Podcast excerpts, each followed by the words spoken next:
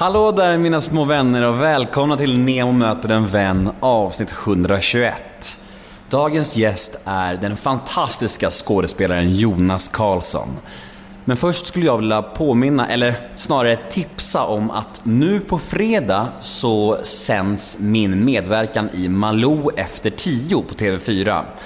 Jag var ju och gästade Malou för några veckor sedan, men det sänds först nu. Så det är nu på fredag, alltså klockan 10, eller typ kvart över 10 ungefär. Så på TV4, nu på fredag, Malou efter 10.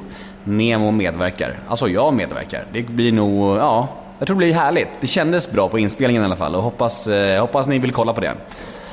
Åter till dagens podd då. Eh, Jonas Karlsson gästar. Jonas kom hem till mig i Högdalen och vi satte oss vid mitt köksbord och det blev väldigt mysigt. Eh, jag hade en viss bild av Jonas innan och jag hade mycket tankar om hur han skulle vara och han visade sig vara exakt så varm och härlig som jag kunde tänka mig. Eh, det var en otrolig ära att han kom hem till mig liksom. Jonas Karlsson är i mina ögon en av Sveriges absolut bästa skådespelare så det var en fantastisk ära att han ville komma hem till mig och dessutom gästa och möter en vän. Så det var häftigt. Eh, hoppas ni kommer tycka om det här avsnittet.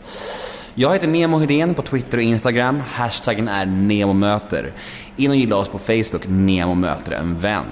Har du några frågor eller önskemål gällande podden, eller bara någon feedback eller frågor till mig, om ni vill kolla läget för mig eller vad som helst, så skicka det till nemohedén gmail.com.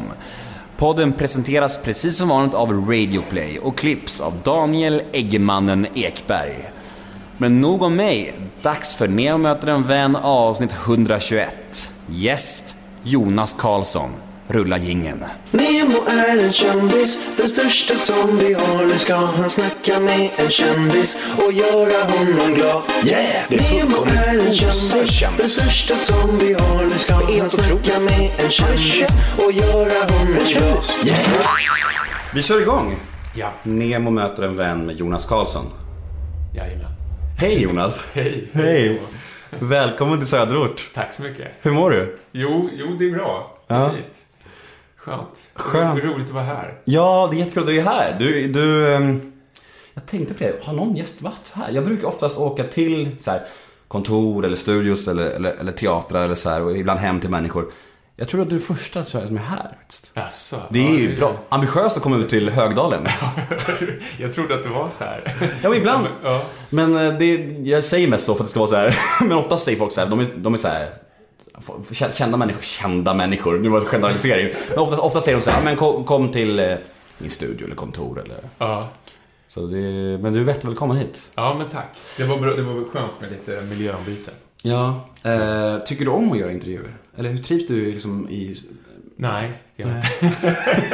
nej, nej, men vet du vad jag ska säga? Jag, jo, jag kan nog visst tycka om att göra intervjuer, men jag är inte... Eller så här, jag tycker att det här är ganska trevligt. Eller det här tycker jag är jättetrevligt, att komma hem och sitta här och prata med dig och så.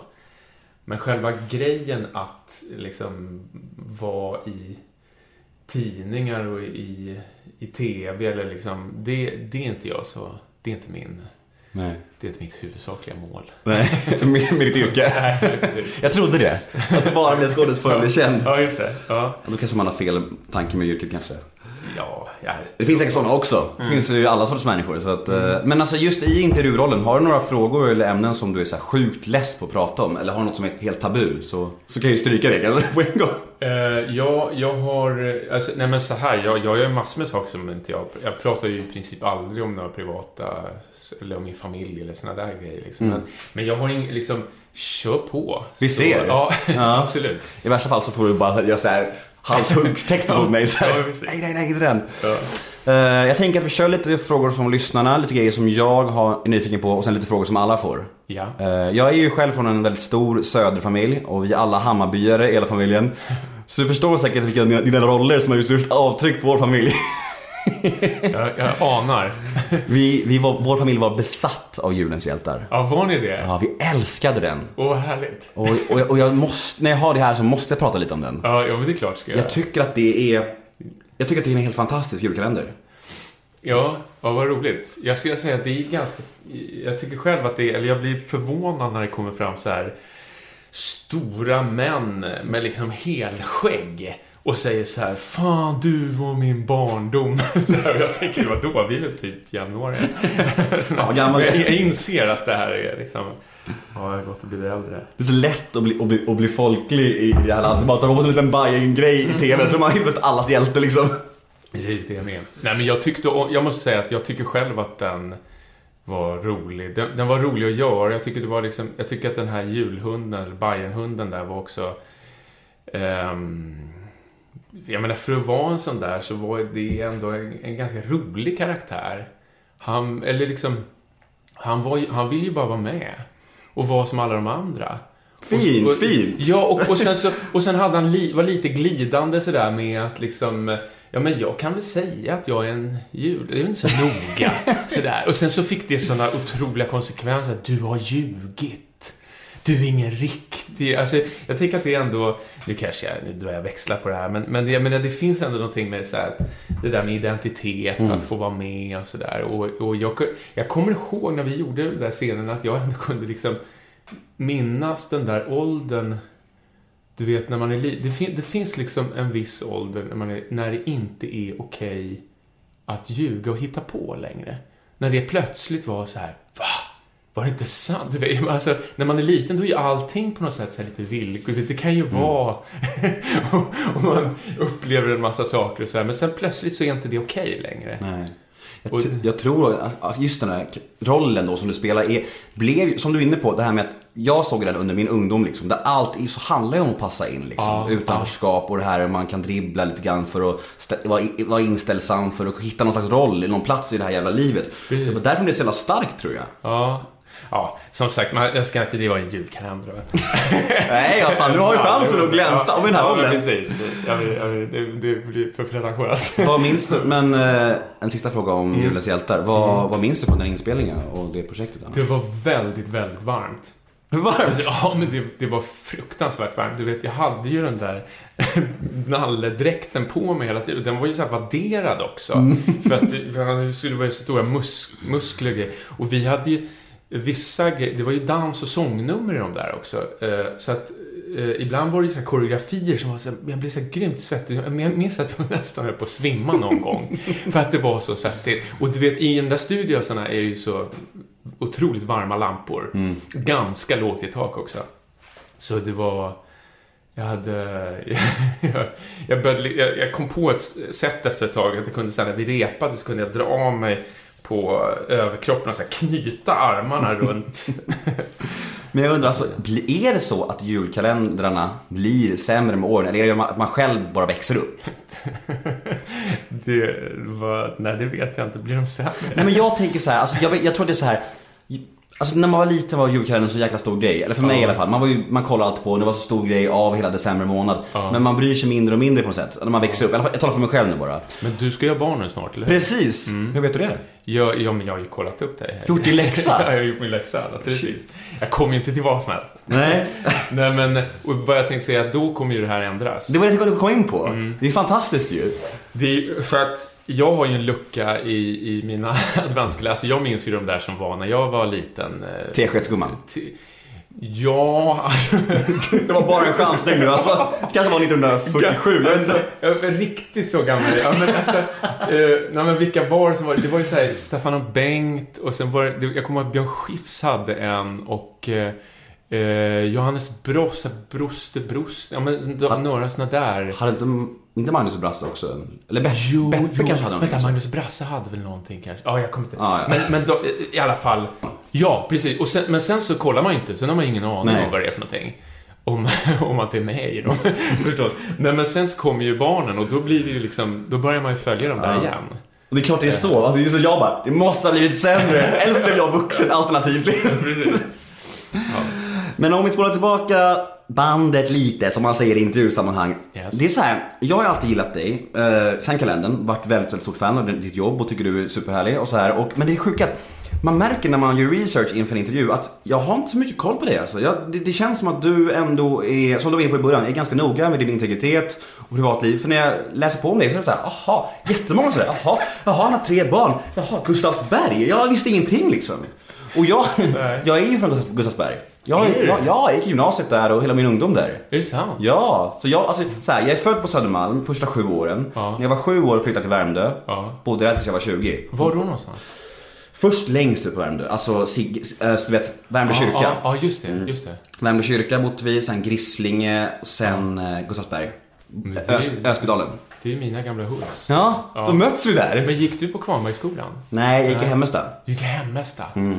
Min brorsa gick i Hemmesta. Aha, Ja. är det sant? Jag var, på, jag var på maskerad i Hemmesta, kommer jag ihåg, när jag gick i sjuan.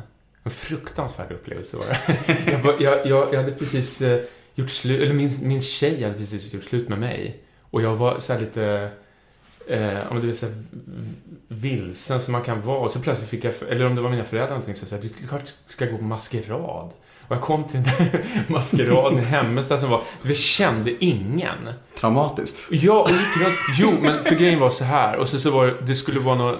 Eh, ja, men det var en tävling också då såklart. Det var så här bästa utklädnad. Och jag, jag, jag visste inte riktigt vad jag skulle klä ut mig till. Och min brorsa tyckte så här, men du kan, du kan klä ut dig till spion. Eh, Det vill säga så här lång rock och portfölj och så här, och, och liksom lite mörka solglasögon och någonting. Så ja, det gjorde jag väl det. Och sen gick jag dit och gick runt där bland alla människor i den här rocken. Otäck äldre man. Ja, men du vet, som någon, så här, så, så någon blottare eller någonting. Enstöring. I, utan att känna något. Jag hade, det fanns liksom inte en enda människa som jag pratade med på Nej. hela kvällen. Utan jag bara försökte gå runt så här som man gör, du vet, när- för att se lite upptagen ut. Eller, eller lite så Mm. Så här, här spionig ut Som eller i, någonting. hade det varit idag hade man fake-pratat i telefon också liksom. Ja, men det är exakt. Ja. Och sen, för, att prö, liksom, för att verkligen kröna den här förnedringen så var det också så att sen när den här prisutdelningen kom så vann jag tredje pris. Aj. för liksom utklädnad. Och jag vill bara därifrån. Jag, och, eh, men jag tror att det var så att jag hade... Liksom min pappa skulle komma och hämta mig eller någonting på någon viss tid. Så då, då var jag liksom tvungen att vara där och, och dessutom ta mig upp på scenen när det var så här, tredje pris, spionen får, och alla så här, Boo! Vem är han? Vad gör han Vad är det? En Göran-göken, han går inte ens här. och så är det så coolt, sen får den där jävla... Eh, ja. jag, Roligt. jag såg den där, jag hittade den där pokalen för ett tag sedan. Jag kände, då fick jag så här rysningar. Liksom, det kastades tillbaka till den där. Hur fan att du har kvar den, det är ju magiskt ändå alltså. Ja, precis. Men alltså, all- din barndom och... Jag har, jag har den inte i bokhyllan. har en köksbordet står det. Men alltså din barndom och ungdom annars då, överlag liksom, minns du tillbaka på den som, som positiv eller, eller ganska jobbig? Nej, jag minns den som, eh, som ganska bra. Ehm, Jag menar, ups and downs. Mm. Sådär som... eh, Men jag menar, det var ju... Jag hade ju liksom en... eh, eh, snälla föräldrar och, och bra liksom... Jag minns det som att jag var rätt mycket för mig själv. Mm. Jag hade kompisar, jag lekte med liksom och umgicks med en hel del. Men, men jag var rätt mycket ensam Mm. för att jag gillade det. Och liksom sprang runt i skogen så här, hittade på grejer. Eller satt och ritade och skrev. Du sprang in i skogen med din spionrock. Precis. Och portföljen. och, Fan, vilken märklig ungdom. Återuppleva det här gång på gång. Ja, Varje helg efter den där exakt. Men vem var du, vem var du i plugget? Jag tror att jag var ingen speciell i plugget. Jag var... Eller, ja... Alltså, åh, det där är så himla svårt att säga om sig själv. Jag, jag, jag var... Jag var inte utanför eller liksom mobbad eller sådär, men jag var ju inte heller... Jag var ju absolut inte liksom någon av de tuffa eller balla. Det som var, var att jag efter ett tag eh, kom på att man kunde göra eh, roliga sketcher på eh, så här på fredags, eh, vad heter det? Ro- roliga timmen. Ja, Mm. exakt. Och det gjorde jag. Vi- Vilket liksom, det... Eh, rönt en viss framgång. Du, du kände direkt att du hade en slags fallenhet för det där liksom? Ja, det var roligt och det var liksom uppskattat. Mm. Eh, Så jag och eh, min eh, då, dåvarande bästa kompis, vi gjorde liksom, vi, vi gjorde, ja men det här har jag pratat om förut, vi gjorde samma sketch om och om och om igen. Varenda fredag. samma, alltså... Det låter ju inte skitkul måste Nej, nej, eller hur? Men det var succé. Det var det? Ja, du vet, det var liksom... alltså. Ja, det är fortfarande... Det är fortfarande en otroligt märklig... Jag har tänkt jättemycket på det där. Liksom att det funkade. Men det gjorde det. Men kände du någonstans redan då i de här sketcherna att eh, fan, skådis kanske? Nej, absolut inte. Jag, alltså, du vet, där ute, jag, hade, jag visste inte ens... Eh, du, jag, jag, ja, men det är klart att jag på något sätt kunde lista ut att en och annan person måste vara skådespelare, men det var ju ingenting som liksom fanns på kartan, att, man, att man kunde göra det.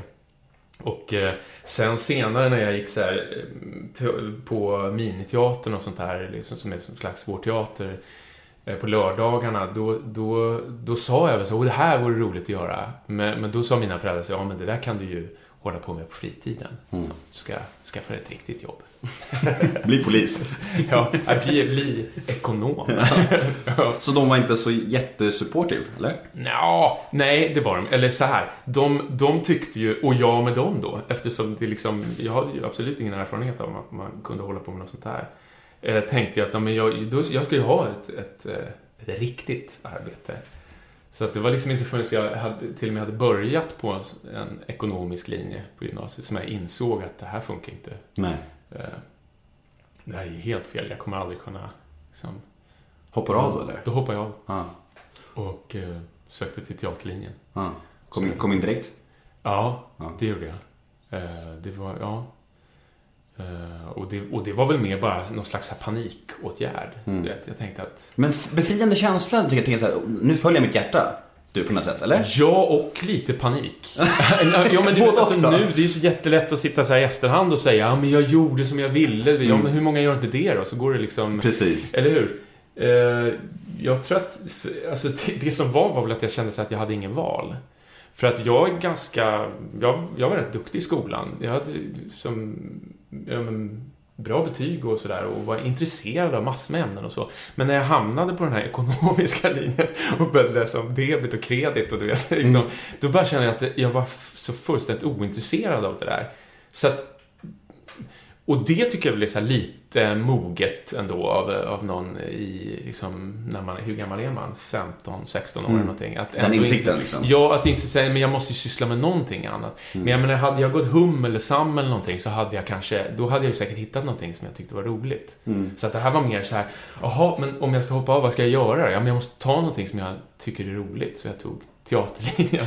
Så. Du har ju helt rätt. Det är så himla lätt att hylla folk som har gått sin egen väg och följt sitt hjärta som har lyckats. Alltså det är också så många, den stora procenten gör ju det och misslyckas trots allt. Ja, eller liksom, jag menar, man får, en får, man får liksom hitta sin väg. Och jag, menar, jag har ju också haft det så här, men det, det, det är så lätt att man i efterhand gör sin eh, historia så här lite snygg. Ja, ja, Som men såklart. Alltså, jag gjorde det därför. att- Jag visste det hela tiden. Så här, I själva verket var det bara en slump. Eller, Du kunde, redan, du kunde lika gärna sagt så här bara, när jag stod där på lo- roliga timmen, då kände jag det. Det var då jag kände, när jag stod där i spionrocken.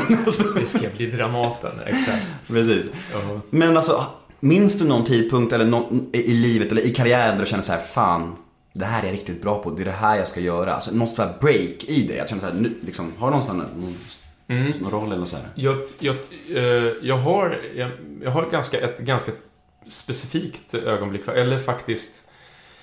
Eh, för att jag gick ju teaterlinjen sen höll jag ju på och liksom jobbade alla möjliga grejer så hade vi liksom fria grupper och, och så. Men jag, jag höll på och målade och spelade musik och så hade band och sånt jättelänge så det där med att bli skådespelare var inte alls klart för mig. Sen så, och så gjorde jag ju några filmer också sådär eh, med Daniel Fridell och, och de här sökarna och det. Och sen så kom jag in på scenskolan. Och sen gick jag där i flera år. Det var ju också liksom, det var ju, jag, jag trivdes väldigt bra på scen, eller i alla fall liksom till och från. Men på det stora hela så gillade jag det. Men det var nog inte förrän jag gjorde praktik på eh, Teater Galeasen. Det är Leif, Leif André har gått av. Med Leif André, precis. Ja. Eh, Cirkeln Leffe- sluts i podden nu. Ja, eller hur? Jag ska säga att det är, det är faktiskt Leffes förtjänst att jag är här överhuvudtaget. Är det sant? Ja. För att, Berätta. jag vill säga, för, för, för nästan ett år sedan, eller förra sommaren var det väl, så ringde Leff till mig och sa så här, du, nu har jag varit hemma hos den här killen, Nemo heter han, och han har en podd. Och han, det är en jävligt schysst kille va, han gör bra grejer. Och det kan hända att han ringer till dig och då är du så god och åker dit ställer upp. Är det sant? Fy fan, fina Leffe. Ja, eller hur? Jag älskar Leif André. Alltså jag måste ju berätta, det här vet ju mina lyssnare, men jag hade ju avsnitt 100 av min podd live nu. Det var ju några veckor sedan, nå- två månader sedan. Vi hade så här, det var, skulle jag köra första gången live och jag var liksom sålt 140 biljetter och så, det var liksom så här, första gången jag körde live, jag var svinnervös. Gästerna skulle vara Sigge Eklund och Filip Hammar. Ja. Skulle vara gästerna för kvällen och, och, och jag hade konferenser och musik och så här. En timme innan ställde Filip Hammar in. Han mådde inget bra. En timme innan. Okej. Jag fick ju panik. Alltså, då ringde jag runt alla mina tidigare gäster. Jag ringde runt alla jag hade haft och alla bara, det går ju inte med en timmes varsel. Såklart, det går ju inte. Nej. Vem ställer upp? Leif André. Han kommer liksom. Say hello to a new era of mental health care. Cerebral is here to help you achieve your mental wellness goals with professional therapy and medication management support. 100% online. You'll experience the all new Cerebral Way, an innovative approach to mental wellness designed around you. You'll get a personalized treatment plan from a therapist, prescriber, or both in a safe and judgment free space. Your Cerebral therapist or prescriber will outline a customized plan with clear milestones along the way so you can get to feeling your best. With Cerebral, you're not alone in your mental health journey. We're here to empower you to live a fulfilling life. So take that first step towards a brighter future and sign up today at cerebral.com slash podcast and use code ACAST to get 15% off your first month. Offer only valid on monthly plans. Other exclusions may apply. Offer ends July 31st, 2024. See site for details. Med timmes varsel. Och springer in bara, sveper en whisky ut på scenen och bara kör. Men, men, men alltså det, det är ju så mycket Leif André. Ja. Alltså, det, men- och jag måste säga det att det fin- jag tror att så här av... eh, ja, men, ja, jag känner i och för sig många pålitliga människor. Men Leif André är ju liksom, man kan alltid lita på Leif. Så stort, hjärta, så stort hjärta alltså. Ja, men verkligen. Och en, en eh, otrolig... Nej, men jag tycker verkligen... Jag tycker så himla mycket om honom både, både ska jag säga, som skådespelare. Det är otroligt roligt att spela med honom och jobba med honom. Det är liksom alltid kul Mm. och spännande. Och det händer grejer. Men också som, som vän, Mm. jag säga. Det, han, han har varit... Eh, nu kom, jag kan ju bara säga innan jag fortsätter där, att det, sen har jag ju kollat upp det och det känns ju inte som att du behöver mig för det här. Kan man väl bara Jo, säga. äsch, var inte det går ju- var succé här, eller hur? Du är liksom... Det, det, det går bättre och bättre. Ja, Ja. det får man säga. Ja men gud, men det var vi inne på innan ju. Att det, det har lossnat nu och det känns asfett. Men, Ja, vad roligt. ja, men det blir lite, det, det känns jättekul. Men det är också det, alltså, det är mest för att jag, jag tror att jag, eh, liksom, jag, jag, jag, lägger ner mycket tid och, och kraft på det och verkligen försöker göra en seriös produkt. Ja. Och försöker göra något annorlunda liksom. Ja. Göra hemma och så här mysigt och mänskligt och så här, inte klipper så mycket. Jag försöker göra så. Jag tror det märks också. Jag blir, liksom, inte kompis, men jag blir lite kompis med alla mina gäster. För att det blir så skön stämning liksom. Ja, jättehärligt. Och, och intresserad på riktigt. Verkligen, det är det också. Jag, jag, jag har inte med folk bara för att de liksom är kända. Det är inte liksom, för mig är inte det intressant. Jag vill ha med folk som jag verkligen är intresserad av. Fast du har den där gingen. Ja. Ja, jag är en kändis. Ja, det är ju en, en dos ironi i det. Ja. Och den jingeln kom ju till precis i början och då var det ju verkligen så lite larvigt, lalala. Sen ju mer och mer har det blivit seriösare och seriösare. Kanske borde byta jingel, eventuellt. Ja, fast det är roligt. Det, jag menar, det, det är klart att allting förändras. Man förändras ju också. Men det är också roligt att du har den, tycker jag. Har kvar som en... Jag menar... Ja, ja men verkligen. Och, och liksom- många har gillat den. Att om man skulle byta så skulle det bli en annan sak. Så det, Ja, Men alltså att det var Leif som sa till dig. För jag, jag tror att jag fick ditt nummer från eh, en gammal journalistkompis nämligen. Jag tror inte det var Leif som gav mitt, ditt nummer till mig. Nej. Men, Nej, alltså, men- han bara la in gott ord för sakens skull. Så, här, så jävla skön alltså. Han behöver inte göra det liksom. Jag tror inte ens jag bett om det. det. Nej. Så ringde han runt till alla sina skådiskompisar då eller? Och bara, Hörru. Förmodligen. Nu visste du någonting om mig eller min podd innan du kom hit? Nej, det gjorde jag jag, jag, inte, jag. Jag hinner inte lyssna så mycket på... Alltså jag lyssnar lite på eh, en del poddar när jag reser och sådär. Men, eh, men jag är liksom inte någon poddföljare så att det... Nej, jag visste ingenting. Nej. faktiskt. Fan jag blir kränkt alltså. Ja, men nu har jag ju lyssnat på några av dina. Jag var, jag var ju tvungen att liksom... Hade du många, många polare som jag hade varit med? Jag, jag har ju en del, va? Eller Ja, hur? det måste du ha. Just det, ja. Tänk det är en hel del Ja. skådisar nu alltså. Ja, men precis. Men det är ju roligt med skådisar. Jag tycker att det är ett jävligt spännande yrke att och, uh, intervjua. För det är så mycket, det är oftast så jävla komplexa människor. Det är så här liksom, den här bekräftelsen och tomheten och hur man liksom, allt det här. Och det är, nej, det är, vi kommer till det, det är, det är intressanta grejer. Ja. Men jag vill prata om Miffo lite grann. Ja, ja. För att det är också en, en jävligt spännande och annorlunda roll, du gjorde Ja. Miffo. Och det är ju liksom, jag tänker så att när man ska spela förståndshandikappad, hur förbereder man sig inför en sån roll? Nej, vänta. Miffo, tänk, tänker du på Livet i en schlager nu? Ja, för, Ja, förlåt! ja. Ja. Där klipper vi! Ja, nej, men det gör ingenting. Det är, När vi har snackat om hur professionell jag är här, så bara... Gud. Men det är underbart. Det, det, jag tror, du är nog inte den första som blandar ihop. Eller, eh, I Miffo så var det ju så att där spelade, Livia Millhagen spelade en tjej som är eh, Precis. rullstolsburen. Så är det. Och, och jag spelar präst. Så är det. Tog det bort mig. Då klipper vi där. Vi tar om frågan då. Ska vi ta om frågan? Ja, ja. Men du, och innan du tar av kan jag bara säga att eh, jag var inte förståndshandikappad, utan CP-skadad.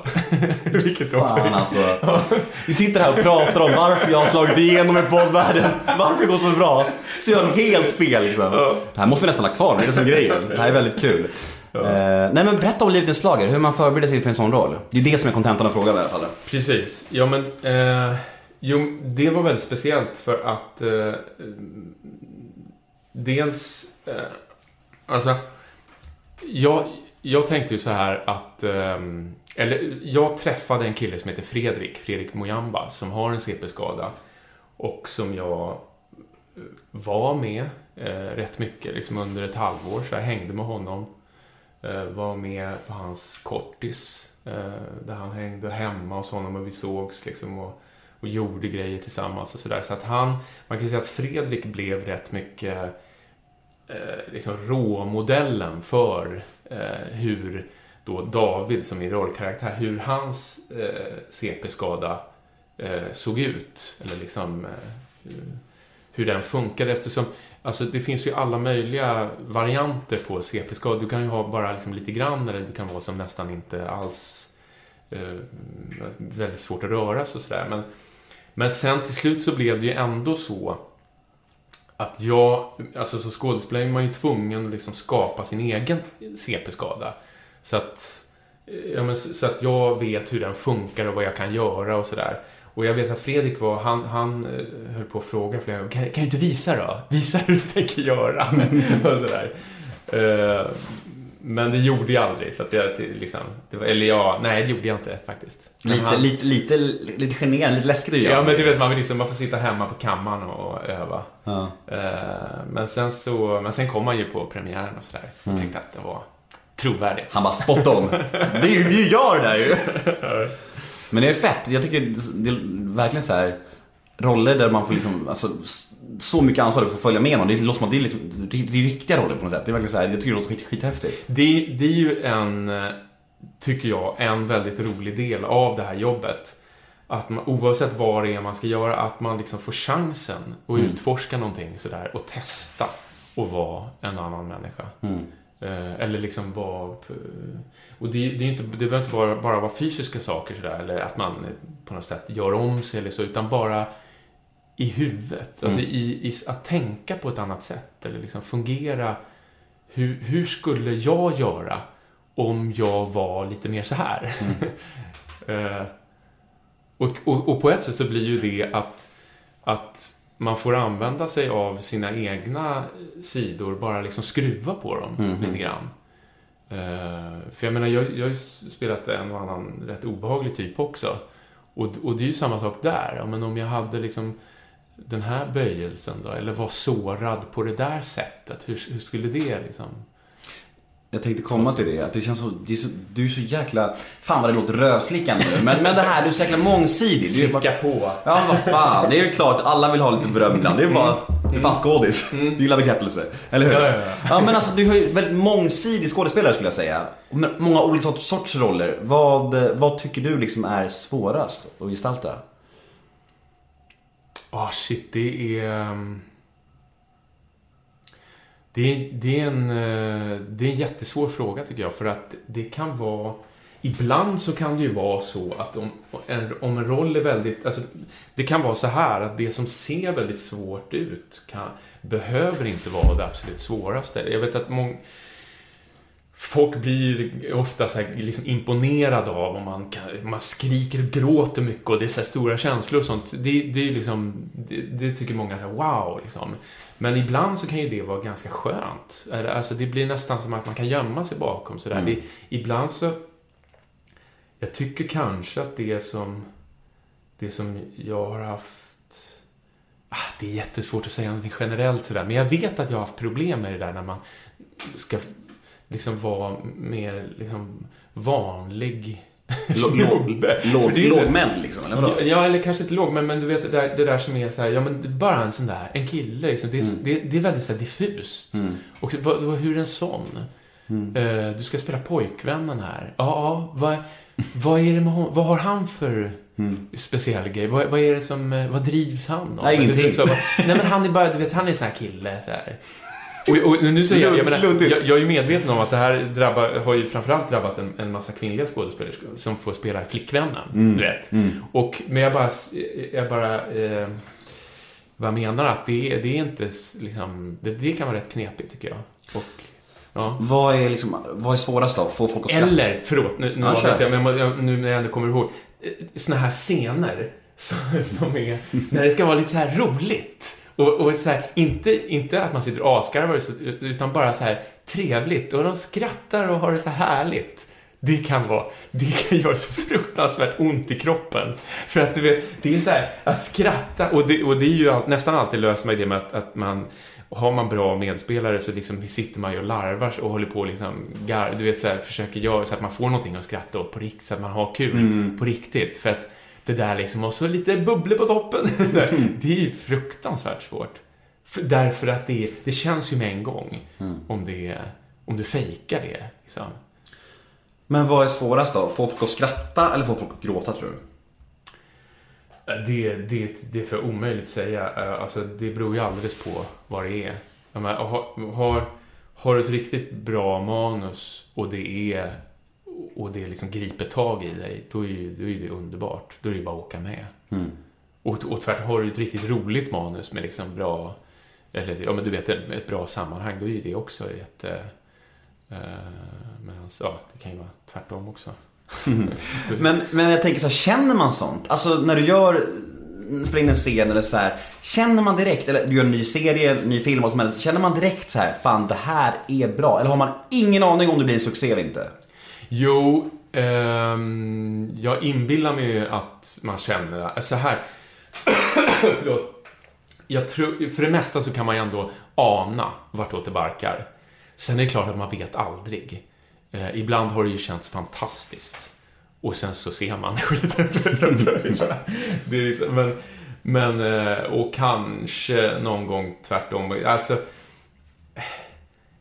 Nej, så här, känns det inget bra, då, då, då, då ska det mycket till om det liksom ska, man ska kunna klippa ihop det där och liksom se att det blir bra. Eller, eller att liksom, om man, om man haft en, en dålig repperiod och, och känner att det inte så, då, då blir det sällan en bra föreställning.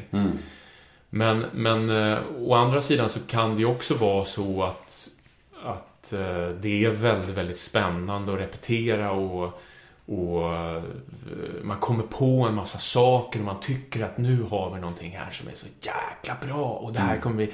Och sen när man möter publiken så känner man att nej, nej det här liksom, det landar inte alls eller det, det tog vägen, det...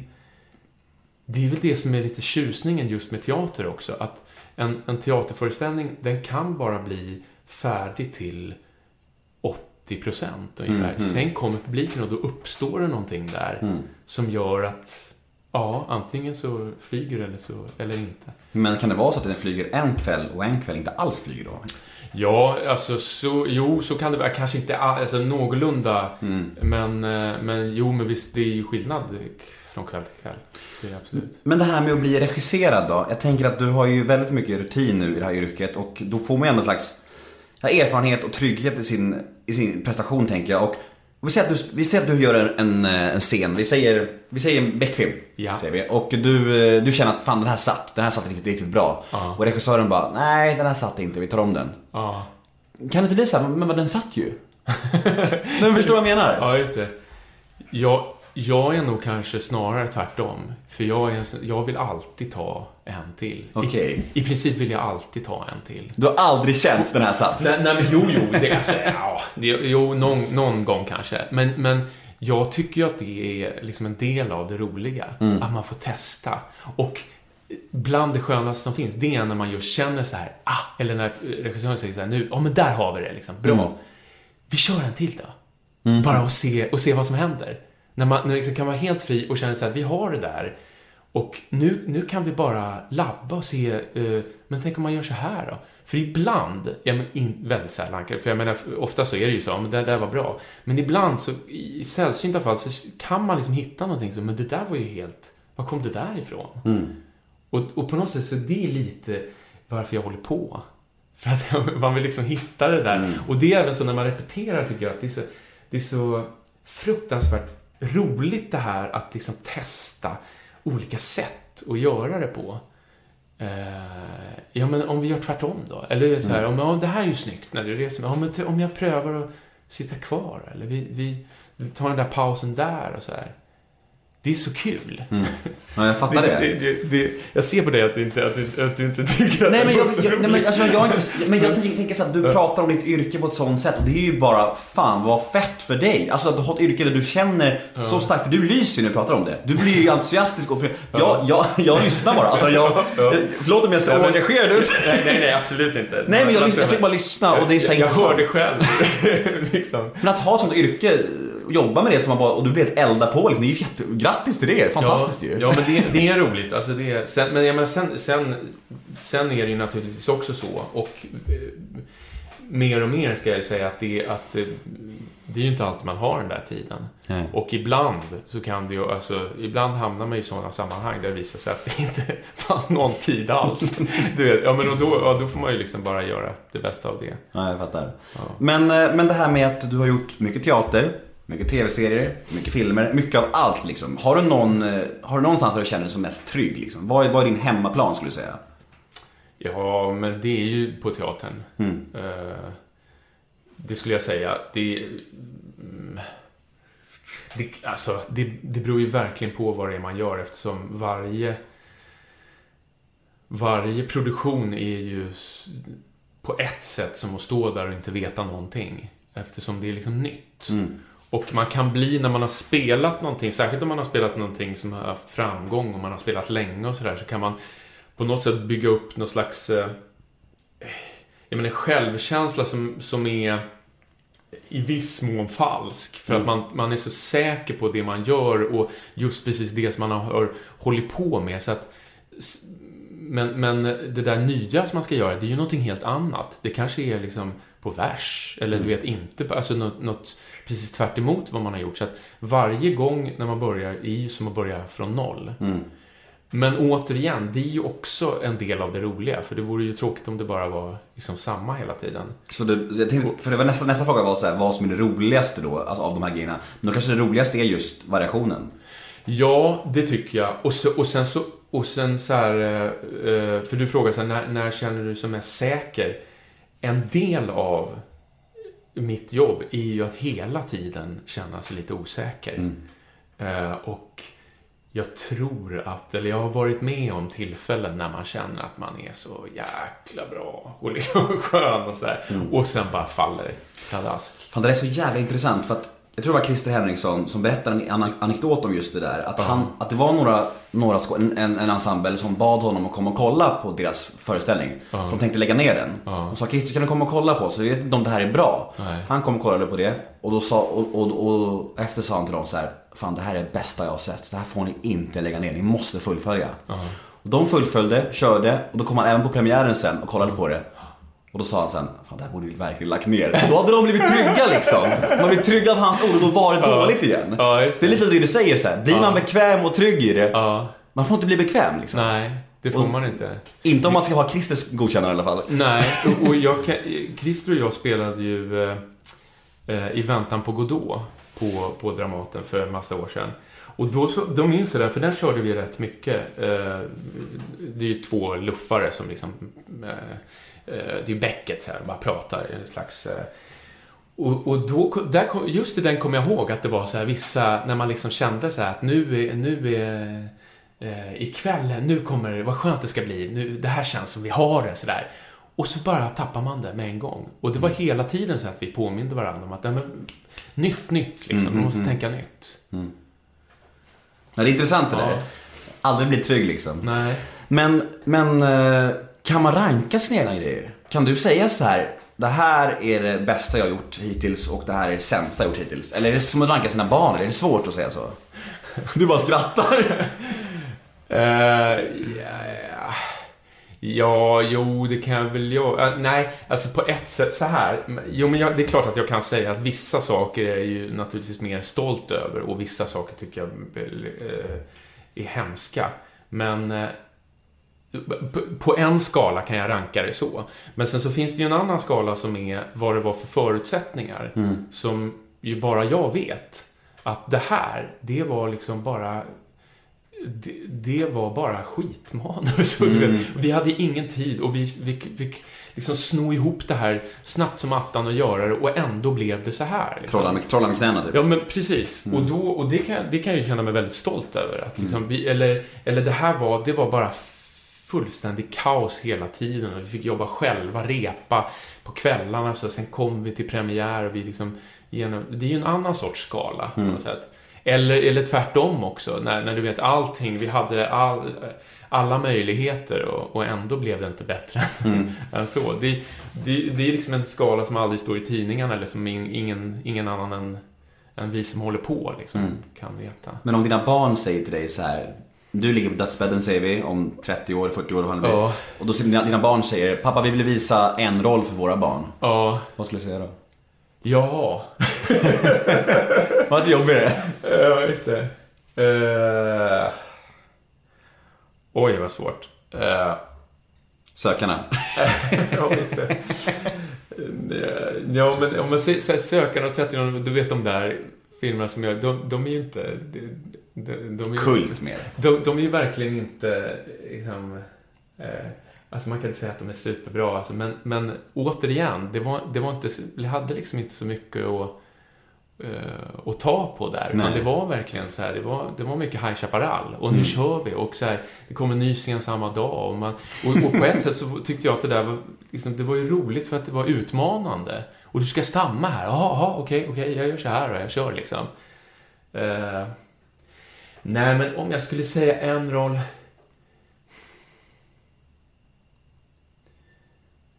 Jag har så många... jag har så många liksom... Det, det, jag har ändå, nu när jag tänker på det, så har jag ändå liksom många små favoriter sådär, som jag tycker karaktärer som jag tyckte var väldigt roliga att spela och som jag liksom på något sätt känner för. Ehm, Vilken känner du för mest? mest? Ja, just det. Nej, men jag tycker ju att vi gjorde en... eh, Jag gjorde Gustav III i en eh, slags miniserie på SVT. Jag kommer ihåg det. Ja, som heter Gustav IIIs äktenskap. Den tycker jag är bra. Eh, nu var det ett tag sedan jag såg den, så man ska inte säga något. Men, ja, men den tycker jag var fin. Det var också en... en det är en Claes Östergren som skrev manuset. Det var väldigt roligt och liksom... ehm, ja, men den var både rolig att göra och jag tycker att den blev bra. Men det, fin- jag, åh, det är så himla svårt. Jag, massa an- jag spelade eh, adjunkt lampa i en uppstoppad hund på det som... eh, Ja, men den tycker jag väldigt mycket om. Och, nej, men jag tycker om massor faktiskt. Ja, det är, jag förstår, det är liksom- svårt det är också. Men du får, kan fundera lite till sl- slutet lite mer. Ja, ja, precis. Men, eh, vilken, men vem är då, om, om vi ska knyta ihop säcken kring skådespelaryrket. Eh, vilken, vilken tycker du är Sveriges bästa kvinnliga och Sveriges bästa manliga skådespelare? Ja, men det är ju omöjligt att svara på. Det är, nej, för fan, det är väl inte omöjligt? Okej, vem har du mest respekt för? Kan man säga så? Jag har, eh, jag har en oerhörd respekt för en massa människor. Alltså jag, jag, jag är ju... Jag tycker hemskt mycket om skådespelare, ska jag säga. Alltså jag tycker att det är så här... eh, ja, men ja, jag, jag ska nämna några. Jag, ehm, jag, jag har lärt mig väldigt, väldigt mycket av Stina Ekblad. Eh, hon har, och jag beundrar henne, jag respekterar henne otroligt mycket. Hon har liksom sån inställning till arbetet också som är eh, beundransvärd. Men, också, sen, men sen är hon rolig och hon är liksom... Hon, jag har lärt mig otroligt mycket om vers, till exempel. Eh, Vers, vers. Alltså, ver- alltså när man spelar Shakespeare och så här, blankvers ja. och så. Och du vet att... eh, Men också så här uttal och liksom hur, Mm. hur man kan tänka med...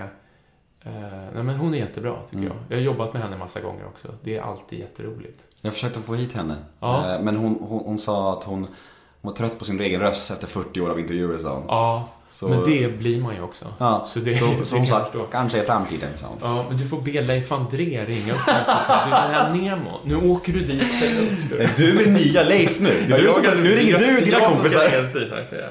Du, tar- du tar på dig spionrocken och så ringer du Stina. Precis. Men, jag, men jag, kan berätta, jag kan berätta om en annan, apropå det där med att beundra skådespelare, för att när jag... En av mina riktigt stora idoler, eh, när jag gick på scenskola, ja, men även innan, sådär, det var Reine Brynolfsson. Mm. Och, eh, och det, det är ju fortfarande det, men nu, är, nu har vi jobbat så mycket så att eh, liksom, det, det. Men, men, och när jag fortfarande gick på scenskolan så var jag med i en tv-serie, en tv-serie som heter Hammarkullen, som spelades in i Göteborg. Och då fick jag spela med Reine. Vi satt på en bänk där, jag, Reine och eh, Dan Sjögren och var liksom eh, ett, ett alkisgäng. Och sen så och, och jag minns de första inspelningsdagarna med, med Reine. Det var Agneta Fagerström Olsson som regisserade det där. Och det var också så här, vi hade... Eh, I den serien så var det så här, det, det var liksom multiplott, det var massor med, och handlade om alla möjliga. Och vi var på den där bänken och hade liksom vår historia. Och rätt mycket var så här att det var Peter Birro som hade skrivit manus. Han hade skrivit eh, ett par sidor kanske. Och sen så tyckte Agneta så att hon stod alltid bakom kameran och snurrade på fingret så att liksom, kör på, improvisera. Men jag blev helt låst av att jag satt bredvid Reine Brynolfsson. Starstruck. Ja, jag var helt starstruck. Du vet, och, och, och, och, och liksom kunde inte, jag kunde inte leverera någonting överhuvudtaget. Utan jag var bara liksom så här, jag, nu spelar jag med. Så att efter några dagar när vi hade spelat så insåg jag att det här kommer ju liksom inte, det här funkar inte. Jag, kom, jag är helt, jag, jag kommer ju vara, jag blir helt förlamad av det här. Så jag måste liksom göra någonting åt det. Så en, så, eh, e, e, e, en, så nästa inspelningsdag, då bestämde jag mig så här, men nu ska jag liksom slå hål på det här. Så då började jag så här, du vet, tjoa och skrika och här, ta över. Och du vet, lite så här medvetet så här, skrika grejer i hans repliker. Det var, det var, jag var- helt odräglig. Och sen kom, och då, då, och så efter ett tag kom han, kom han fram till mig och sa vad, vad håller du på med? vad, vad gör du för någonting? För att lugna ner lite grann. Eh, men sen efter det så var det som att det liksom släppte lite grann. Och sen, sen funkade det. Då kunde vi liksom, ja men, sen kunde vi jobba på. Har du pratat med Reine om det här? Oh, ja.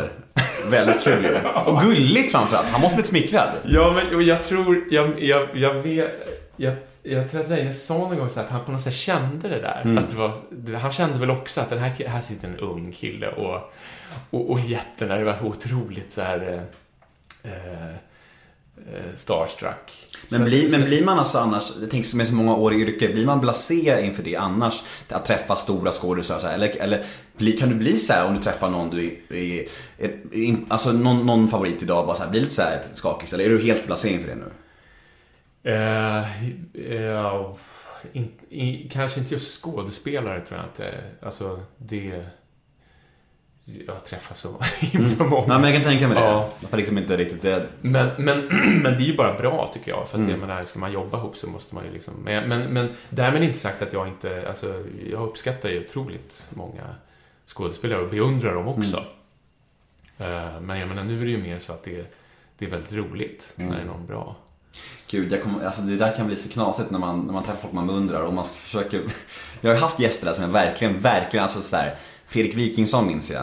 Alltså Filip Fredrik, jag har ju liksom, jag, jag, jag har gillat dem liksom, så Filip Fredrik, jag tycker de är duktiga så här. Och jag träffade dem, jag, minns, jag, märkte hur jag förändrades. Ja. Jag blev så jävla inställsam och försökte imponera på honom. Och, så här, Ja. och det var också en av mina första poddar, då var jag inte så respekterad om man säger så i poddvärlden. Ja. Så jag ville så här, visa honom att jag minsann var seriös, att jag var duktig så här, och var superinställsam. Och han bara, och han märkte, då började han prata om så här. Fan det här påminner om när jag träffade Håkan Hellström säger han då. och jag bara fan, du vet jag kände mig skitfånig liksom. Men det är inte så mycket så länge i alla fall. Det, var, och det händer. Kände du att du kunde komma över det då? Ja, för att han tog upp det. Och då Ja. blir det som att liksom, elefanten i rummet, att man tar bort det liksom. Det. Och då pratar vi om det. Ja, men jag är väldigt nervös. Jag Ja. ser upp till dig. Så. Ja. För det, annars hade de inte gjort det, då hade de nog fortsatt. Och eskalerat. Ja, men, ja, men precis. precis. Eh, Men vi går vidare till lite mer allvarliga ämnen. Ja. Vad har du för förhållande till döden? Eh, jag har... Eh, ja, jag har... Eh, hur menar du då? Nej men vad har du för relation till döden? Är det så här, har du haft dödsångest mycket? Existentiell ångest? Så här? Tänker Alltså, du på det ens, döden? Man, man kan säga så att eh, jag har... Jag har ganska... eh, Jag har... Des, så här är det. Min, min pappa dog förra året. Och min mamma dog för ett antal år sedan. Och när min pappa dog så... Han var gammal och han var, hade varit sjuk länge och sådär. Och vi var... Eh, både jag och min brorsa visste vad som eh, skulle komma. Det var, det var liksom ingen eh, nyhet. Eller det det kom inte som någon överraskning. Eh, han hade liksom varit dålig i över ett år sådär. Så att vi, vi trodde att... Eller jag trodde på något sätt att jag var förberedd på det. Men sen när han dog så blev jag eh, eh, fruktansvärt ledsen. Eh, och så låg som, som jag eh, inte har varit någonsin i mitt liv. Eh, så att just nu är det väl liksom, och, och jag kan säga att det där sitter i, för att det är, det är, liksom, det är som en... Eh, det, det, är inte, det är inte så att först i början, alltså de första veckorna och så, då, då var jag så deprimerad så att jag kände så att jag, jag tyckte inte att det var roligt med någonting. Uh, Sen, nu kan jag väl mer känna att jag har som någon slags här uh, mild, uh, mild depression som liksom som hänger med mig lite grann fortfarande. Och jag bara låter det vara. Jag har inte liksom... Som tur är så var det så att jag eh, ändå hade möjlighet och inte jobbade liksom fruktansvärt mycket när det här hände. Och eh, kanske är det också därför som jag liksom tillät mig att bli så, att liksom drabbas så hårt. Sen är det så här att det, det är ingenting... Eh, ehm, jag menar, min, min pappa är gammal och eh, ehm, han var sjuk och han skulle dö. Så det är liksom ingenting konstigt med det här.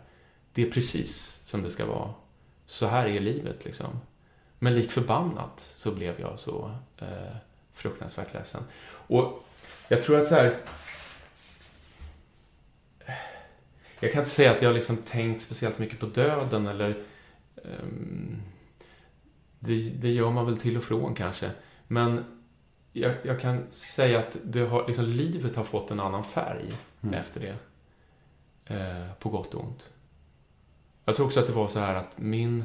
När min mamma dog så... Så eh, var det ju annorlunda för då var också min pappa så ledsen så att då var, då, då var jag tvungen att vara där för honom och... Och... Eh, ja men och sen så... Liksom världen snurrar på och sådär så att nu... När min pappa gick bort så tror jag att... eh, Eller jag, jag känner att jag också sörjer min mamma nu. Mm. Ja, så är det. Känner du att, eh, tror du, det här går ju bara att spekulera kring, men tror du att, tror du att eh, sorgen kommer att gå över helt någon gång? Jag vet liksom inte om sorg går över. Jag tänker att...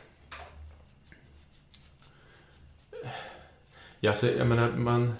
Jag, jag kommer väl inte gå i ett eh, konstant eh, sorgetillstånd. Och jag tror att jag... Att det förmodligen kommer förändras. Men någonting eh, kommer ju bli annorlunda. Så, så mycket kan jag säga. Eller det, så tycker jag att jag... Eh, så känns det nu. Och, och så ska det väl vara också. Eh, jag menar, jag är 45 år nu. Jag är liksom precis mitt i livet. Och man, man pratar om så här medelålderskriser och sådär. Men jag tror att... Det, och då låter det som att det är någonting så isolerat. Jag menar, medelålderskriser kommer väl av just de här sakerna. Att man liksom... Till att börja med, om man har barn så kan, kan det hända att man blir förälder så här, åt båda hållen ett tag där. Eh, och sen att ens föräldrar försvinner. Och att det... Det, är väl, det finns väl bra saker med det här också. Alltså... Eh, det kan väl vara en... Det kan väl vara bra att, att man på något sätt inser, alltså det, att det blir så tydligt att livet är ändligt. Och att eh, det går ganska fort. Usch vad jag låter sorglig. Men, Nej men det är men, intressant för man är ju någonstans programmerad att, att, att leva i en naiv tro om att allt är oändligt. På något sätt. Det är ju vår grundtanke. Man bara kör på, tutar och kör. Tills någonting händer. Ja. Tills någon närstående blir sjuk. Då helt plötsligt så bara, just fan. Det kan hända oss också. Du vet så här. Jag har en, en, en närstående som är ganska sjuk nu och det är så här. Jaha, det kan hända oss också. För jag har bara kört på nu så här och fokuserat på mig och mitt och min familj och så här. Men när det händer grejer då bara så här. Oj, alla de här grejerna, man tänker aldrig på dem förrän det verkligen händer och då blir det bara så påtagligt. Och då är man ledsen över det och sen är det tillbaka till det där jävla... Man, samtidigt kan man heller inte gå runt och bara jämt vara så tacksam över att åh, just det, vi är inte sjuka. Nej. Och säga det till sig själv varje dag liksom. Nej, det går ju inte. Det blir konstigt. Men, men å andra sidan så är det liksom... Det, det, nej, precis. Men det kanske finns någonting bra med det där i alla fall för att få lite perspektiv på tillvaron också. Mm. Att, att det ändå... Jag menar, mycket är sådär... Man, jag går och oroar mig för alla möjliga larviga saker, du vet, som Mm. är så här, i, på det stora hela. Så på det sättet kan man tänka att det, det är inte så... Man, man, man får inte vara så ängslig. Man får Nej. liksom bara försöka vara här och leva på. Är du hypokondriker? Hypokondriker? Ja. Nej, det är jag inte. Nej. inte så, nej, det måste jag säga. Alltså, jag menar, in, inte mer än en eh, eh, ordinär skådespelare. jag, vill alltså, jag är alltid lite, så, går ju mm. sen känner efter i halsen och så innan. Men, men eh, och, eh, jo, jag menar, får jag för mig någonting, du vet, man börjar så här, då, då kan det bli, men nej, det skulle jag inte säga. Men, men eh, det här leder oss ändå in på nästa ämne osökt. Det här med, du pratade lite, lite om att när man får barn så blir man man blir påminn om att livet är ändligt på något sätt. Man börjar tänka på ett annat sätt. Och jag väntade min första som vi var inne på i maj. Och jag tänker att ditt faderskap, hur, hur förändrar det dig som människa? Blir man mer medveten om sådana saker? Var det mycket annat som hände i dig när du blev pappa? Så- Eh, ja, det, alltså, det är ju det är ju jättestort att bli. eh, det, men, men på ett bra sätt, tycker jag. Det är liksom... Det är ju... Plötsligt är du ju ansvarig för en, en annan människa. Och också, tycker jag... Eh, jag har tänkt väldigt mycket på det här med den villkorslösa kärleken. Liksom. Att, man, att man ägnar så otroligt mycket tid och omsorg och liksom uppmärksamhet åt det här lilla barnet.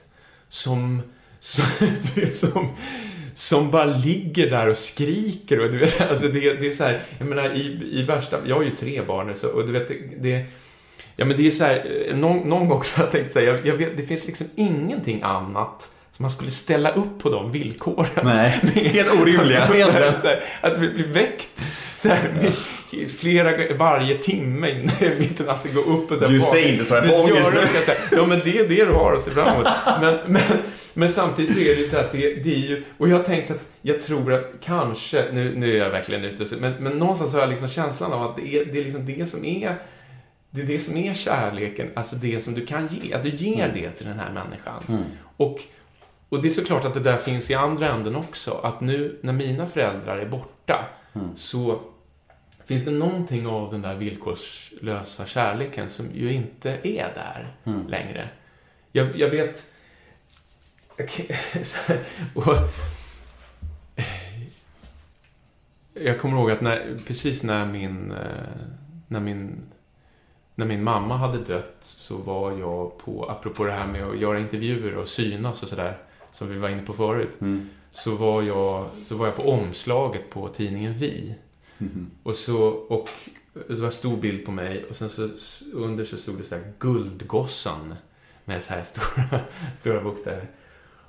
Och när jag, när jag fick hem den där tidningen, eller såg den, så, så bara kände jag så här eh, för då tänkte jag så här, det här, det här, det finns liksom ingen som kommer tycka att det här är kul, kommer uppskatta det här. För att det här kommer bara, du vet, folk kommer bara bli avundsjuka eller liksom tycka att det där är fånigt eller så. Den enda människan som hade uppskattat det här, det, det skulle vara min mamma. Och hon lever inte längre. Hon hade liksom tyckt att det där var roligt, att få se sin son på tidningen när det stod sådär.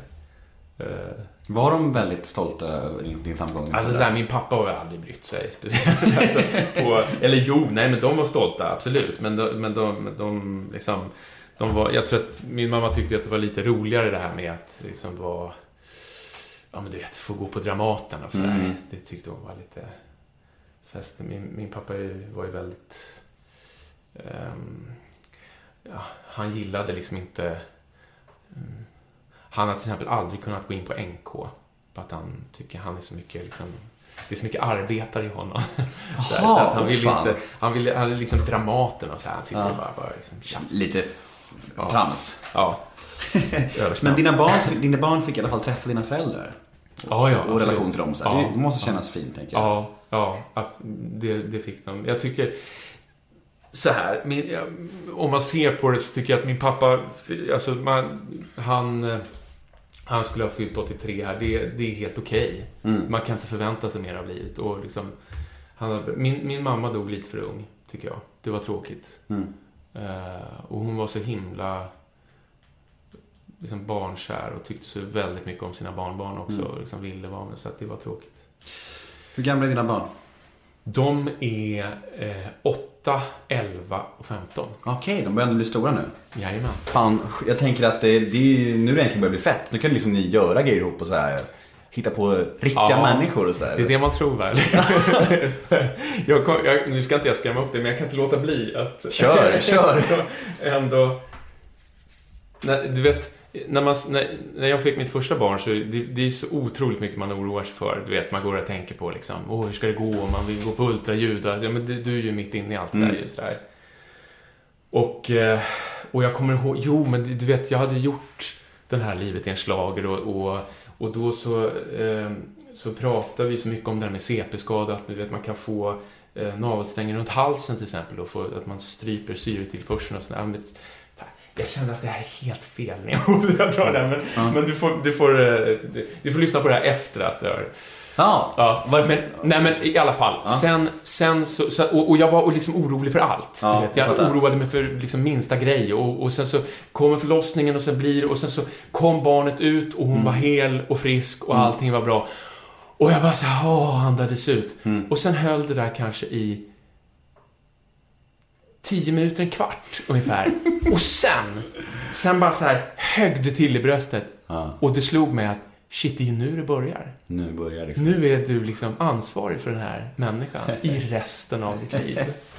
Var, du, var, var du orolig för att du skulle skrämma, upp mig nu? Ja, jag blev det. Faktum är att vi har haft ett knep i början på graviditeten. Alltså, min, flick, min, min flickvän hon fick, så här, hon fick operera bort blindtarm också när hon var- gravid. Så de var och rotade i magen och grejer. Så det var ganska jobbigt. Så vi har nog gått igenom ganska jobbiga grejer. Så det, jag, är jag är ju, klart jag är rädd i perioder men Skräckblandad förtjusning verkligen. Och det var som, jag tror det var Claes Månsson som sa det, att det är, det är det bästa och det värsta.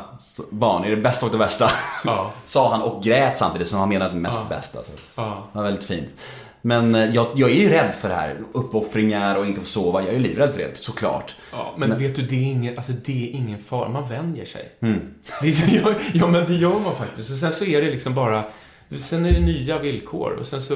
Och jag menar, du, det kommer, du kommer få igen det där. Mm. Så, och grejen är, och nu blir jag också så här, grejen är att du kommer få igen det på sätt på det sätt som du minst av allt anar. Mm. När du minst av allt är förberedd på det. Du säger, nej, ja men vad, du vet, så här, vad, vad är det som är bra med barn? När får man det? Du vet, när, när, du- när du minst anar, när Mm. du sitter och plötsligt bara känner så här, så kom, kommer någon liten klapp eller någon, du vet, säger någonting sådär, eller jag älskar och då är det, ja men, eh, då är det fantastiskt. Nu blir du också lite blödig. Ja, ja, jag blir Ja, rädd. Men jag kan tänka mig det. Alltså, det är verkligen så här. Det Det liknar liksom ingenting annat. Nej. Nej. Nej, jag längtar jättemycket. Vad tycker dina barn om, om att pappa är en kändis? Eh, det, de bryr sig inte så Nej. mycket faktiskt. Alltså, de, jag, har, jag har ju också hållit dem utanför helt Mm. och tänker fortsätta med och de, Jag tror inte att... Alltså, nej, de är inte så... Jag tror inte att de tänker på det speciellt mycket faktiskt. Hörru, ehm, jag tänker så här. Jag pratar mycket om äh, ångest och sånt här i min podd för att jag själv har haft så jäkla mycket ångest tidigare och haft ganska knepigt med, med missbruk och sånt tidigare i livet. Ja. Så, så att jag är nyfiken på det. Jag tänker att när mår du som sämst idag? När, alltså, har du, när har du ångest liksom? Ja, alltså jag är ju så här... Eh, jag, jag, är, jag pendlar ju liksom ständigt mellan eh, en slags här, enorm omnipotens och, och tänker att det är så fruktansvärt bra. Och att det är katastrof. Ja. Jag, jag är någonstans däremellan liksom hela tiden. Eh, Men, men jag tror att jag, nu är jag liksom så gammal så jag har ändå på något sätt lärt mig att det är aldrig riktigt är så, på gott och ont. Mm. Eh, Det, alltså när, när man jämnar ut de där vågorna lite grann så blir det ju också så att, eh, ja men, för jag menar, alltså, nu har jag ju suttit och skrivit rätt länge eh, under en period och, och jag vet att i, med jämna mellanrum så kommer de där gångerna när man känner så här, åh, det här är Nobelprisklass. det, här, det här kommer bli så jävla bra. Och, och, och, och nu har jag liksom lärt mig på något sätt att nej, det, det kanske ändå inte är det. Men å andra sidan, det är ju lika ofta som det är så att man sitter och, och känner så här, vad är det här för skit? Vad gör, vad gör jag? Vem ska vara intresserad av det här hittepå, liksom, du vet. Ja, jag fattar. Så att, eh, ja, det är upp och ner. Men det är väl i sin ordning. Vad har du för relation till alkohol?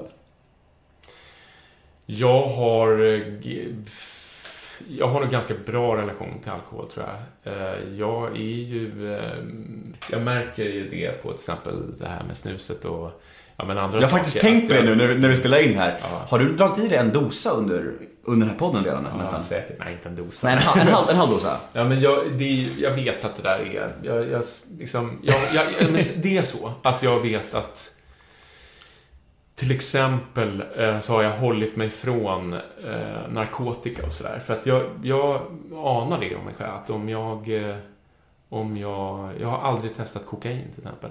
Därför att folk har berättat hur, hur otroligt roligt det, liksom, allting blir. Eh, att man kommer upp där liksom. Mm. Och jag vet att om, om jag liksom smakar på det så skulle jag nog alltid vilja vara där. Mm. Så, så tror jag att det är. Så därför har jag hållit, jag håller mig långt ifrån det. Alkohol är väl liksom... Det funkar bra. Grejen är så att jag tål inte speciellt mycket. Jag, jag, jag, jag klarar mig på rätt lite. Eh, jag, jag blir liksom rätt glad på bara ett glas vin. Mm.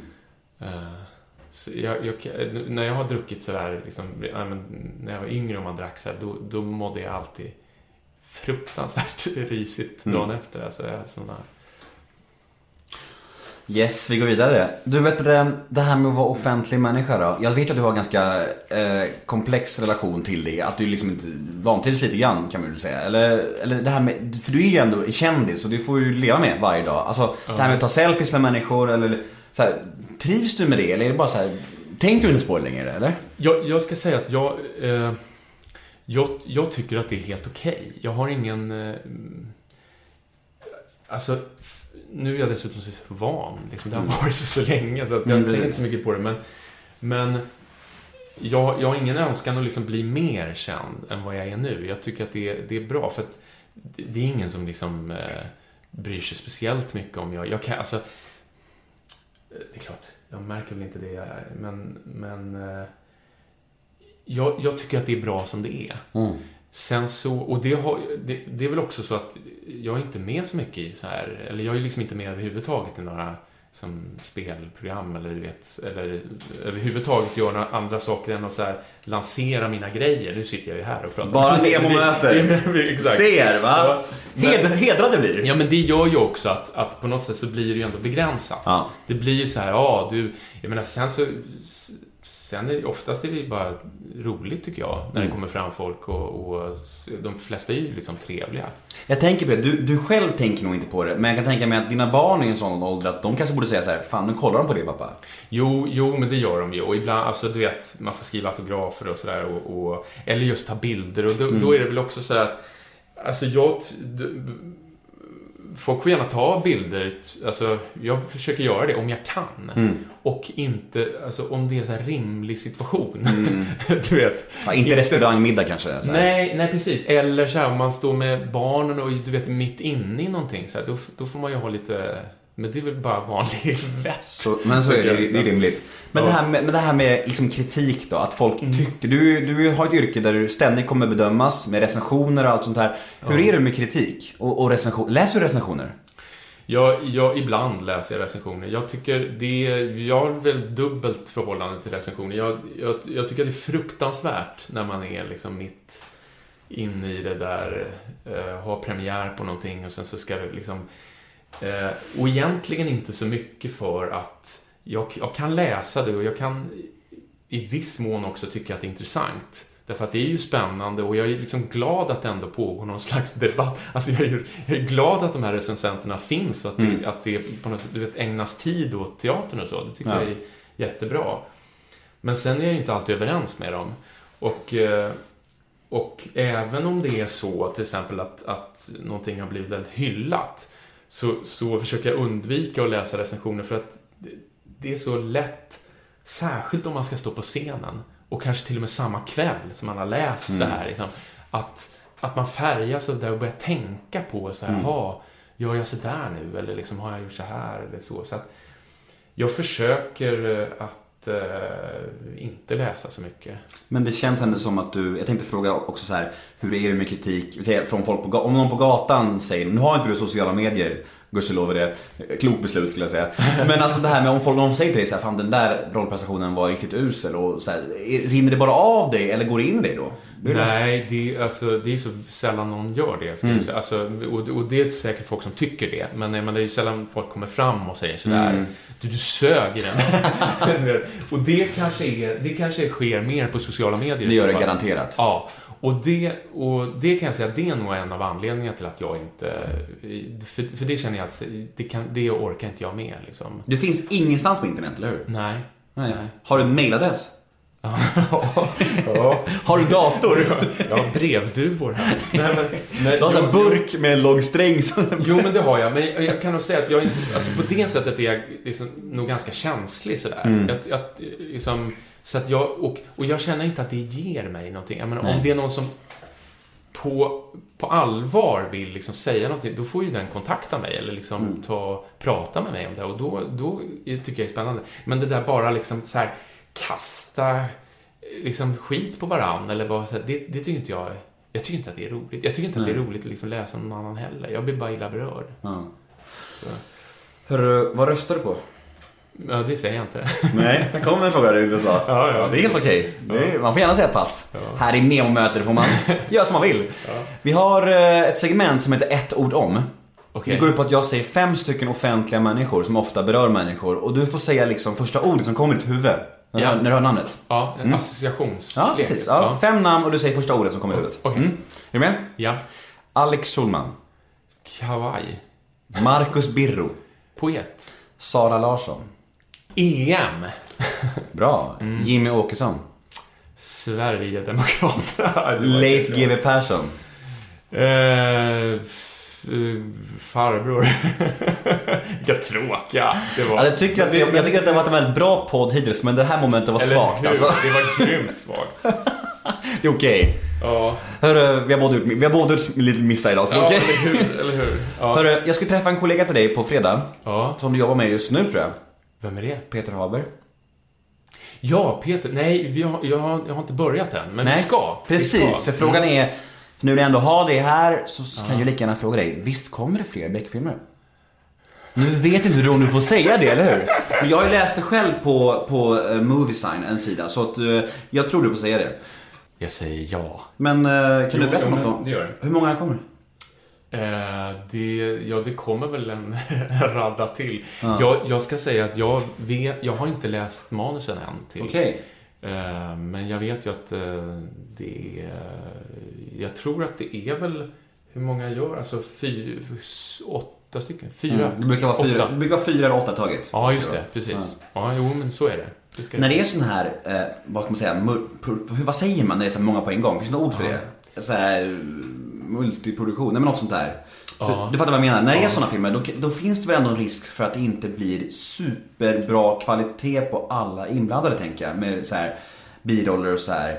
Det här minns jag att jag pratade med Christer Henriksson om, angående Wallander. Att han var lite så här, ibland kunde det vara skådespelare som inte kanske var 100% med. Ja. Kan du känna så också, när, eller är det något du har tänkt på någonsin eller? Nej, alltså det är klart att det... det... Nej, jag har inte skå... Jag menar, det är, det är liksom... det är ju som det är. Det är förutsättningarna på något sätt. Det är klart att ibland, men jag måste säga att det är väldigt sällan som man känner just att så här, oj, vad var det här för någon som stopp skott? Det är nog snarare så att mer i så fall tiden, att man känner så här, det här, liksom nu, nu går det undan här.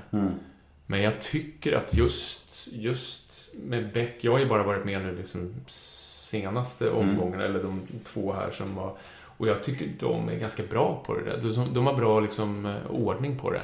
Jag tycker bra att de- jag tycker att de- organisation. Förlåt. Jag tycker att de lyckades väldigt bra med att fylla Gunvaldplatsen ändå. Ja, Förvånansvärt bra. Ja, med den här Steinar, Steinar-karaktären och så. Ja, men precis. Det, jag tror ingen förväntar sig att någon ska kunna fylla Gunvalds skor. Men alltså, jag tror många blir förvånade ändå. Nej, och jag tror att det var bra att liksom gå ändå lite grann en annan väg Mm. än att försöka liksom få in en ny Micke. Så, så... Kanske svårt att få in en ny Micke, tänker jag. Ja, ja, eller hur? Ja, ja, det är omöjligt. Ja, eh, veckans brev. Hej Jonas, jag tycker du är Sveriges mest... Sveriges mest mångsidiga skådis. Varför skrattar jag för? Det var för att jag använde det ordet förut, det blir konstigt. Jag, jag tror du skulle säga Sveriges näst mest mångsidiga. Hej Jonas, jag tycker du är Sveriges näst mest mångsidiga skådis. Fortsätt med det du gör. Min fråga är, kan man göra allting för pengar? Skulle du till exempel göra en reklamfilm för Sverigedemokraterna för 50 miljoner? Nej, det skulle jag inte. Nej, man kan definitivt inte göra allting för pengar. Men det är klart att man måste leva också. Mm. Så en del får man ju lov att göra. Alltså, ibland måste man ha pengar också. Om man har familj och sådär. Du har men, men, ja, förlåt. Nej men du har, ju- du har ju en röst man känner igen tycker jag. Ja. En ganska, vad är det man säger, eh, det finns ord för ord för det? Igenkänningsbar, nej men något så här. Ja. Ja i alla fall, du har en röst man känner igen. Just därför borde du kanske få så här, jag tänker typ så här reklamerbjudande om att läsa in typ en pizza tv-reklam. Som Lennart Jäkel gjorde. Ja, ja, just det. Doktor Oetker, eller vad det var. Nej, men det, är ju, det där är himla svårt, tycker jag. Men jag försöker ju inte göra någonting som jag... Alltså, eller så här, jag gör ingenting som jag inte kan stå för. Men jag menar, det är ju, sen, sen är det ju alltid sådär... Och, eh, ja, alltså, ibland är det också sådär att man kan hamna, inte just i kanske reklam och sånt, det har inte jag gjort så mycket. Eller absolut inte politisk reklam. det, det tror jag, det skulle jag inte göra överhuvudtaget. Men... Eh, Ja. Hörru, eh, personliga misslyckanden, saker du ångrar. Har du någonting i karriären, något, något framträdande, någon film, någon serie som du känner att helvete gjorde vi det där för? Det önskar jag. Det hoppas att ingen ser. Och det bästa med det här, att när du säger det kommer alla kolla in det. Ja, ja men precis. Jag tänkte det. det. Det är klart jag har det. Jag har massor med sånt. Men det kommer jag inte säga faktiskt. Vad det är. Fan! för, för tyvärr, alltså...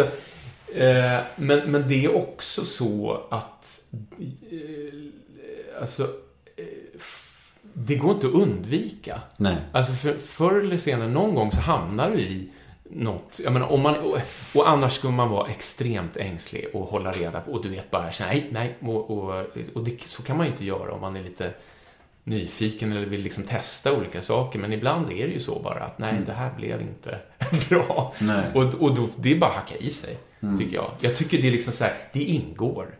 Man ska ha lite på den där kalkonlistan. Och du berättar för mig efter inspelningen vilka du menar nu. Ja, det kan jag göra. Så kan du säga det sen. Och eh, sista frågan.